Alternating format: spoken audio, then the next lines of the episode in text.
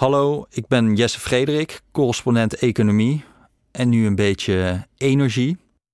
En uh, ja, ik heb een uh, knetteroptimistisch verhaal over uh, groene energie.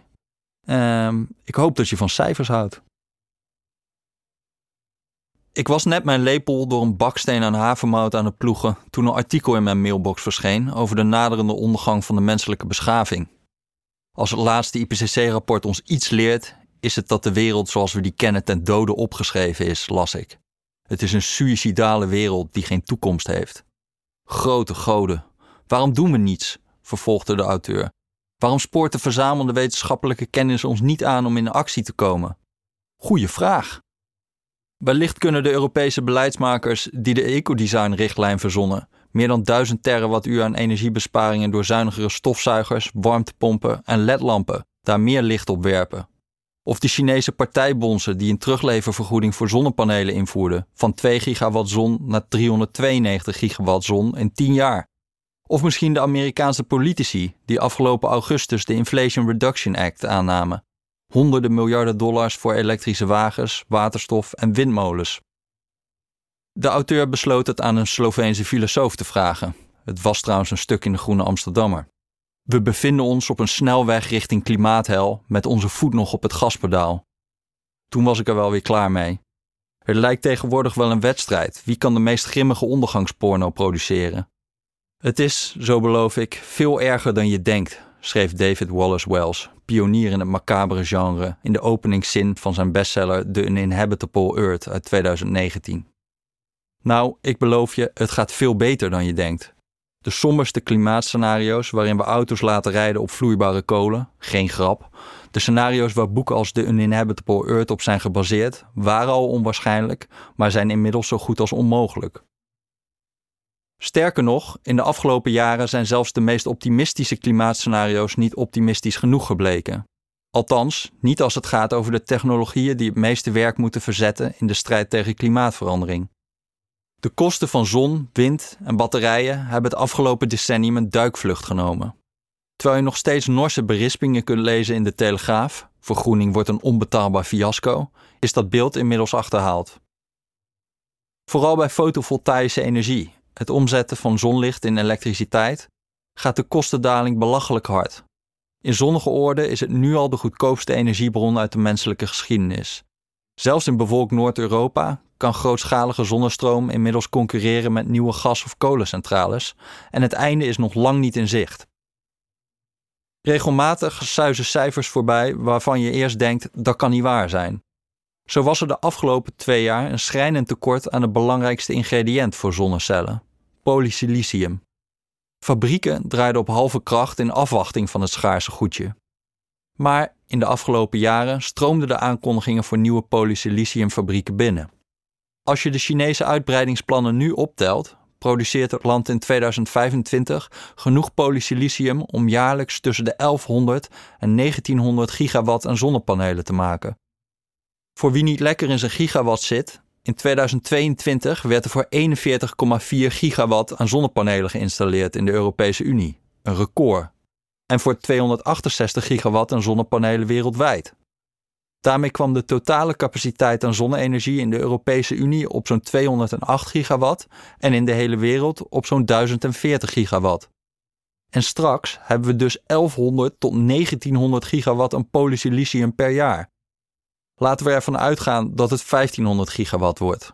Als zoveel zonnepanelen 20% van de tijd stroom leveren, heb je evenveel elektriciteit, 2628 terawattuur, als alle kerncentrales op de hele wereld, 2653 terawattuur, nu leveren. En net iets minder stroom dan de hele Europese Unie op jaarbasis verbruikt, 2785 terawattuur. En waarschijnlijk kunnen ze dat straks in China in één jaar maken. Het zijn krankzinnige cijfers. Natuurlijk, dat we straks zwemmen in het polysilicium wil niet zeggen dat we ook bergen zonnepanelen kunnen maken. En het wil al helemaal niet zeggen dat de zonnepanelen ook geïnstalleerd kunnen worden. Misschien dat het elektriciteitsnet het ver voor die tijd al begeeft. Misschien. Want het zal niet voor het eerst zijn dat de opmars van de zonnestroom alle verwachtingen verplettert. De kortzachtige ontwikkeling van fotovoltaïsche energie wordt namelijk stevast onderschat door deskundigen. In de vuistdikke rapporten van het Internationaal Energieagentschap, de grootste autoriteit op energiegebied, zijn de vooruitzichten voor zonnestroom keer op keer te somber. Zelfs in het meest ambitieuze klimaatscenario van de World Energy Outlook 2010 zou er tegen 2020 wereldwijd slechts zo'n 138 gigawatt aan zonne-energie opgesteld staan. In werkelijkheid was het vijf keer zoveel, 710 gigawatt. Maar de sepsis over technologische vooruitgang beperkt zich niet tot het Internationaal Energieagentschap. Hetzelfde chagrijn over de kosten en de potentie van zonnepanelen vind je in de toonzettende rapporten van het IPCC, de instantie die verantwoordelijk is voor het samenvatten van de stand der klimaatwetenschap. Het IPCC gebruikt tientallen megamodellen om de relaties tussen economie, energie en klimaat te beschrijven, zogenoemde Integrated Assessment Models, IAM voor INTMI. Deze IAM produceren op hun beurt weer duizenden scenario's die allemaal in één grote database worden opgenomen. Van alle scenario's uit het IPCC-rapport van 2014 ging zelfs het meest gunstige scenario ervan uit dat zonne-energie in 2050 zo'n 885 dollar per kilowatt vermogen zou kosten. In werkelijkheid waren de installatiekosten al in 2021, 30 jaar voor de deadline, gedaald tot 820 dollar per kilowatt. Niet zo gek dus dat er in 2020 meer zonnepanelen werden geïnstalleerd dan in 83% van alle IPCC-scenario's uit 2014. Hetzelfde geldt voor elektrisch vervoer. Uit een inventarisatie van vijf Integrated Assessment modellen in 2017 bleek dat zelfs in de scenario's met stevig klimaatbeleid nog werd verondersteld dat elektrische auto's de hele eeuw duurder zouden blijven dan brandstofauto's. Ook in het meest recente IPCC-rapport uit 2022 wordt in bijna elk scenario nog tot achter in deze eeuw geïnvesteerd in fossiele autotechnologie. Maar dan nu de werkelijkheid. Afgelopen jaar was 14% van de wereldwijde autoverkoop elektrisch. In China was het zelfs al 22%. En het zijn niet alleen passagiersauto's en tweewielers, maar ook busjes, bussen en zelfs vrachtwagens die de komende jaren op stroom gaan rijden. Zelfs zonder subsidies zijn elektrische voertuigen al bijna even duur over de levensduur van een auto, vooral door lagere brandstofkosten. Maar met de snelle kostendalingen van aandrijflijnen en batterijen is de verwachting dat ergens in de komende jaren elektrische voertuigen goedkoper worden in aanschafprijs dan brandstofauto's. Het is veelzeggend dat oliebedrijven als Shell en ExxonMobil momenteel minder investeren in het boren naar olie dan zelfs in het gunstigste klimaatscenario van het Internationaal Energieagentschap is voorzien. Voelen ze de bui misschien al hangen? Als de huidige trends in elektrisch transport doorzetten, kan de olievraag met procentpunten per jaar achteruit gaan hollen. Ik wil maar zeggen, het gaat allemaal veel sneller dan vrijwel iedereen altijd dacht. Zelf geloofde ik ook dat de energietransitie een fortuin zou kosten en een eeuwigheid zou duren. Want van kolen naar olie, van olie naar gas en van gas naar hernieuwbaar duurde decennia, zo niet eeuwen. En we zitten nog steeds met kolen en olie en gas. Het is nog nooit gelukt om oude energiebronnen volledig te vervangen door nieuwe, zoals nu de bedoeling is. Het was altijd meer, meer, meer, nooit in plaats van. Maar inmiddels ben ik ervan overtuigd dat het dit keer anders zal gaan. Er is namelijk een fundamenteel verschil tussen hernieuwbare energie en fossiele energie. Kolen, gas en olie zijn een grondstof. Zonnepanelen, windmolens en accu's zijn een technologie. Ieder jaar worden hernieuwbare energieopwekkers beter en goedkoper en het einde is nog niet in zicht. In 1936 schreef de Amerikaanse ingenieur Theodore Paul Wright een kort artikel getiteld Factors Affecting the Cost of Airplanes. Naast enkele wetenswaardigheden over het meest geschikte materiaal voor vliegtuigen, tip, gebruik geen hout, en de monocoque constructietechniek, bevat het artikel ook een cruciaal inzicht. Wright constateerde dat als er in zijn werkplaats twee keer meer vliegtuigen werden gebouwd, de kosten per vliegtuig met zo'n 10% daalden. Meer productie betekende steeds lagere kosten. Dit inzicht is de geschiedenis ingegaan als de wet van Wright. En wat blijkt, deze wet geldt ook voor zonnepanelen, hoewel de fotovoltaïka veel sneller leert dan de aeronautica. Bij elke verdubbeling van het geïnstalleerde vermogen daalden in de afgelopen decennia de kosten per megawattuur niet met 10%, zoals bij vliegtuigen, maar met maar liefst 31,9%. Er is geen energiebron die dit zonnepanelen nadoet.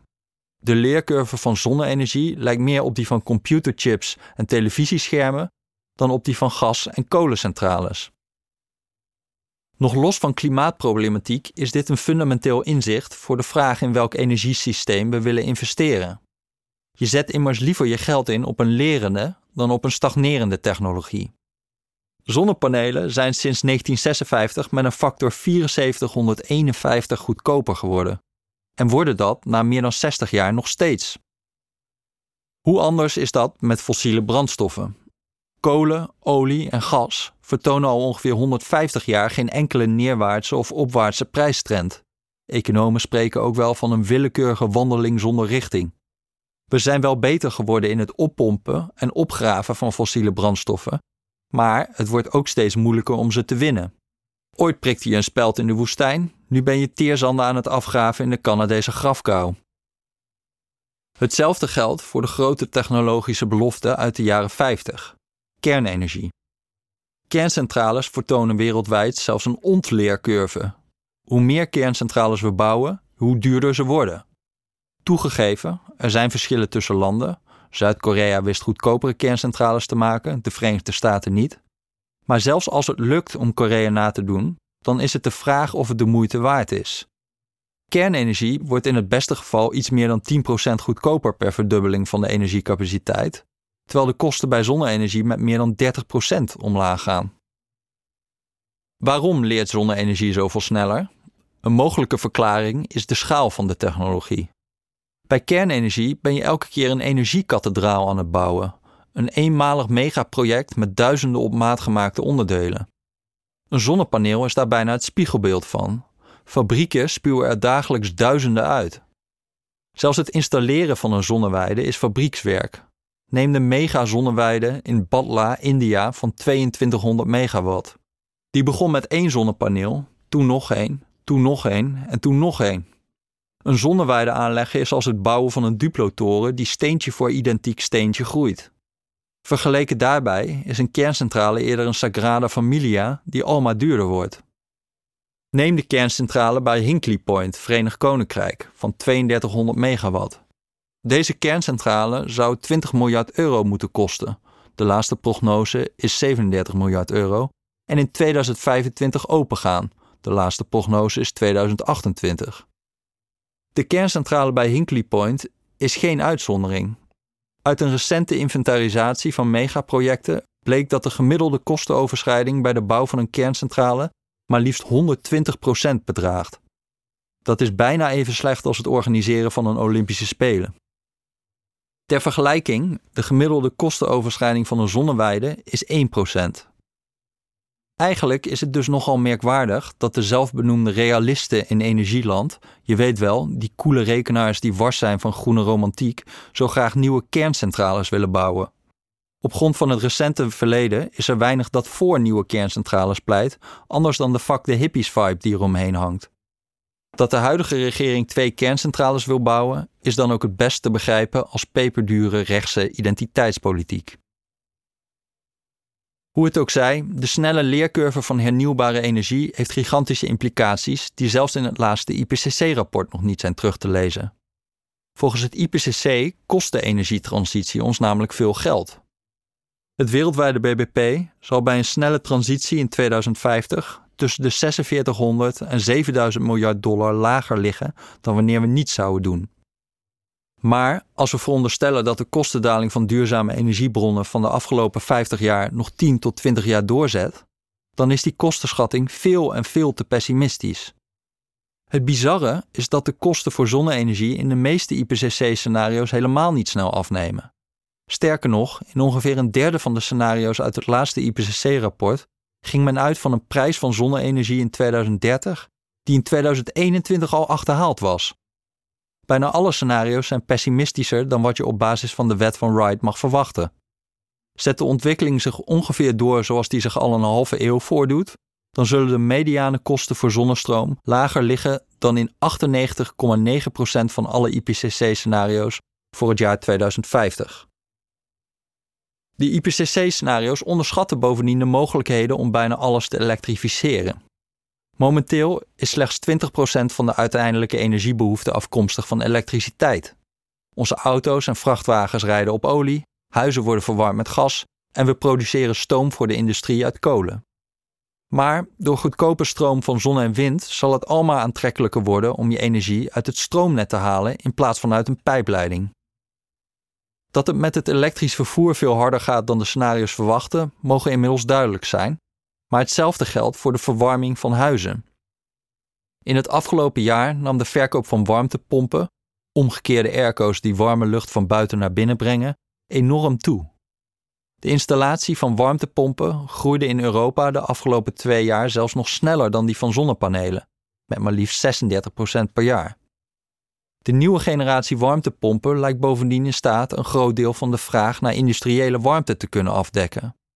Ongeveer de helft van de industriële warmtevraag bestaat uit stoom tot 200 graden Celsius, temperaturen die prima zijn te halen met hyperefficiënte warmtepompen. Toch gaan bijna alle IPCC-scenario's uit van beperkte elektrificatie. In de meeste scenario's neemt het aandeel elektriciteit nauwelijks toe en zelfs in de optimistische 1,5 graad scenario's wordt maar 44% van de finale energievraag in 2050 door elektriciteit geleverd. Wat het potentieel van zonnestroom om de energietransitie te bespoedigen behoorlijk inperkt. Dus wat zou het voor de energietransitie betekenen als we stoppen met het onderschatten van hernieuwbare energietechnologie? In een belangrijk paper getiteld Empirically Grounded Technology Forecast and the Energy Transition heeft een team van wetenschappers het antwoord op precies die vraag proberen te berekenen. In hun middelste scenario levert een snelle energietransitie maar liefst 24 biljoen dollar aan besparingen op ten opzichte van het huidige fossiele energiesysteem. Het is een kwestie van tijd voor het hele energiesysteem wordt opgeslokt door spotgoedkope zonne-energie en windenergie, geholpen door lithium-ion accu's die elektrisch transport aandrijven. In tegenstelling tot de IPCC-scenario's zal volgens deze wetenschappers bijna alles geëlektrificeerd worden. Meer dan 75% van de energiebehoefte komt van stroom in 2050. Alleen voor de laatste beetjes zullen we electrolyzers nodig hebben om brandbare waterstof te maken van water en elektriciteit. De 24 biljoen dollar aan baten is, mind you, nog een conservatieve schatting van de werkelijke opbrengst omdat de tientallen biljoenen aan klimaatbaten niet worden meegenomen. Denk minder doden door hittegolven, gunstigere oogsten en behoud van biodiversiteit. Toegegeven, ook bij een snelle ontwikkeling van zon en wind blijft het moeilijk de opwarming tot anderhalve graad te beperken. Daarvoor is al een te groot deel van het koolstofbudget opgesoupeerd. Maar we kunnen er wel dichtbij komen. Als de huidige trends doorzetten, dan zijn in ieder geval de op energie gebaseerde broeikasgasemissies, zo'n 83% van alle uitstoot, in 2050 tot nihil gereduceerd. We komen dan waarschijnlijk ergens tussen de 1,7 en 2,1 graden opwarming uit. Nu zijn er scenario's in de IPCC-database die een lagere opwarming noteren, maar veel van de 1,5 graad scenario's leunen op CO2-opslag. Eerst overschrijdt de wereld het koolstofbudget om later in de eeuw heroïsche hoeveelheden CO2 af te vangen en op te slaan. Modellen die ervan uitgaan dat elektrificatie niet goedkoop kan, rest nou eenmaal niets anders dan de koolstofopslag. Het is dan ook merkwaardig dat IPCC-scenario's veelal hun hoop vestigen op een technologie die nauwelijks wordt gebouwd. Oké, prima, hernieuwbare energie wordt steeds goedkoper, maar moet het niet gewoon een keer ophouden? Misschien zal de productie van zonnepanelen niet het probleem zijn, maar wat dan te denken van de aanlegkosten? Zelfs als de prijs van een zonnepaneel naar nihil keldert, heb je stalen rekken, koperen kabels en vaklui nodig. Worden die ooit goedkoper? Waarschijnlijk niet. Maar ook daar valt omheen te werken. Het Amerikaanse bedrijf Airtos heeft bijvoorbeeld een ontwerp voor zonneparken waarbij de panelen gewoon op de grond worden geplaatst. Dit ontwerp gebruikt geen stalen rekken, 70% minder kabels en sleuven en twee derde minder grond. De onderhoudskosten kunnen ook omlaag omdat robotstofzuigers de boel schoon kunnen houden. Een zonnepark met zulke lage aanlegkosten maakt optimaal gebruik van de snelst dalende kostenpost, de panelen zelf. De grootste flessenhals voor de uitrol van duurzame energie is eigenlijk niet technisch, steeds minder economisch, maar vooral juridisch. De elektrificatie van alles vergt enorme investeringen in het elektriciteitsnet om al die goedkope zonnestroom een bestemming te geven. Hier loopt het in zowel Europa als de Verenigde Staten vast. met duizenden gigawatts aan projecten in de wachtrij voor een aansluiting. Het Internationaal Energieagentschap besefte dat je tot wel 13 jaar bezig bent als je een bovengrondse hoogspanningslijn in Europa wil. Een kwart van de tijd wordt besteed aan de bouw, drie kwart gaat op aan het plannen en het krijgen van vergunningen. In China kun je een zware hoogspanningslijn bouwen in gemiddeld drie jaar. Nu zullen er ongetwijfeld legitieme belangen worden genegeerd in China. Maar het omgekeerde is ook waar. In Europa en de Verenigde Staten zeggen we makkelijk nee vanwege minieme nadelen in plaats van ja vanwege grote voordelen. Dat in Nederland de verwaarloosbare hoeveelheden stikstof die vrijkomen bij de bouw van een elektriciteitslijn ervoor zorgen dat de energietransitie wordt geremd, is daarvan een schrijnend voorbeeld. Elektrificatie zorgt op termijn notabene voor minder stikstof. Tot slot is er natuurlijk het bezwaar dat zon en wind weliswaar goedkoper zijn, maar dat je onmogelijk een energiesysteem kunt laten draaien op slechts grillige stroom uit wind en zon. Het waait immers niet altijd en de zon valt ook nog wel eens tegen. Op zich is dit geen acuut probleem. Als we over 15 jaar nog voor een paar dagen per jaar gascentrales nodig hebben, so be it. Maar op termijn zal er energieopslag nodig zijn voor die dagen, weken en maanden dat de zon niet schijnt en de wind niet waait. Gelukkig kennen we veel van de oplossingen al. We kunnen hem meer vol pompen in de zomer en weer leeg laten lopen in de winter. We kunnen elektriciteitsnetten aan elkaar knopen van Noorwegen tot Spanje of, denk groots, van Noord-Amerika tot Europa, omdat altijd wel ergens de zon schijnt en ergens de wind waait. We kunnen optimaal gebruik maken van de enorme vloot aan elektrische auto's met batterijen, opladen bij zon, ontladen bij windstil, en warmtepompen, verwarmen bij wind, stoppen bij een wolkendek. Tot slot kunnen we altijd nog stroom gebruiken om waterstof te maken van water om die te verbranden in tijden van schaarste. Wel duur, dus liever zo weinig mogelijk. Tegelijkertijd moet je bedenken dat we nog maar net op het punt zijn dat de elektriciteitsprijzen soms richting nul gaan omdat het heel hard waait of de zon heel hard schijnt. Er is steeds meer geld te verdienen door met de stroomvraag en het aanbod te schuiven in de tijd. Dikke kans dus dat we de komende jaren nog veel meer vernuftige opslagvormen krijgen. Neem een start-up als Rondo Energy, die een enorme hittebatterij, in feite een soort thermoskan gemaakt van een grote brok stenen, kan opwarmen met zon- en windenergie, die vervolgens stoom kan leveren aan de industrie. Het staat allemaal nog in de kinderschoenen, maar één ding is zeker. Als het goedkoop is en het werkt, dan wordt het ingezet. Het is niet zo moeilijk om te bedenken hoe het allemaal nog mis kan gaan. En het is niet altijd makkelijk om te bedenken hoe het goed kan gaan. De wet van Wright voorspelt dat kosten afnemen, maar niet hoe ze gaan afnemen. En dat kan nogal frustrerend zijn. Maar misschien wordt het tijd om de bewijslast hier eens om te draaien. Waarom zou het niet lukken? Het is makkelijk om grenzen in je model te schrijven. Dit kan niet, dat kan niet, zegt Matthew Ives, een van de auteurs van het paper over de goedkope energietransitie. Maar we zijn er vaak minder goed in om het menselijk vernuft in de modellen te schrijven. De implicaties van een spotgoedkope energietransitie gaan verder dan alleen het vermijden van klimaatverandering. De geschiedenis leert dat een daling van de energieprijzen een voorbode is van een golf van materiële voorspoed. Vliegtuigen, containerschepen en auto's, ze bestaan alleen bij gratie van goedkope olie. Energie is de flessenhals der flessenhalzen. Wat technisch mogelijk is, kan economisch niet uit omdat het dure energie vergt. Het is geen toeval dat bijna alle technologische vooruitgang in de afgelopen decennia is geboekt in de wereld van bits, waar energiekosten een kleine rol spelen, en niet in de wereld van atomen, waar energie een grote rol speelt. Met lage energieprijzen zullen allerlei nu nog ondenkbare ideeën mogelijk worden. Bijvoorbeeld CO2 uit de lucht zuigen, waterstof van water maken en de twee weer samen knopen om er vliegtuigbrandstoffen van te maken. Er komt een punt, als de elektriciteitsprijs maar laag genoeg is, waarop het goedkoper zou kunnen zijn om vliegtuigbrandstof uit de lucht te synthetiseren dan olie uit de grond te halen. Een andere mogelijkheid is om de grondstoffen voor populaire plastics niet uit olie of gas te kraken, maar uit de lucht te halen. Daarmee wordt meteen een stukje CO2-opslag gerealiseerd. CO2 uit de atmosfeer slaan we dan op in een plastic. Dit klinkt misschien allemaal als bizarre toekomstmuziek en misschien is het dat ook. Maar het punt is, hoe lager de energieprijs, hoe meer van dit soort luchtkastelen werkelijkheid zullen worden. En zou dat nou niet subliem ironisch zijn? dat de groene beweging met haar sobere nadruk op minder, minder, minder een nieuw tijdperk van economische groei ontketent. In groene gelederen lijkt men soms bevangen door een seculier geloof in de zondeval. De mens heeft zijn hand overspeeld en moet op de blaren zitten.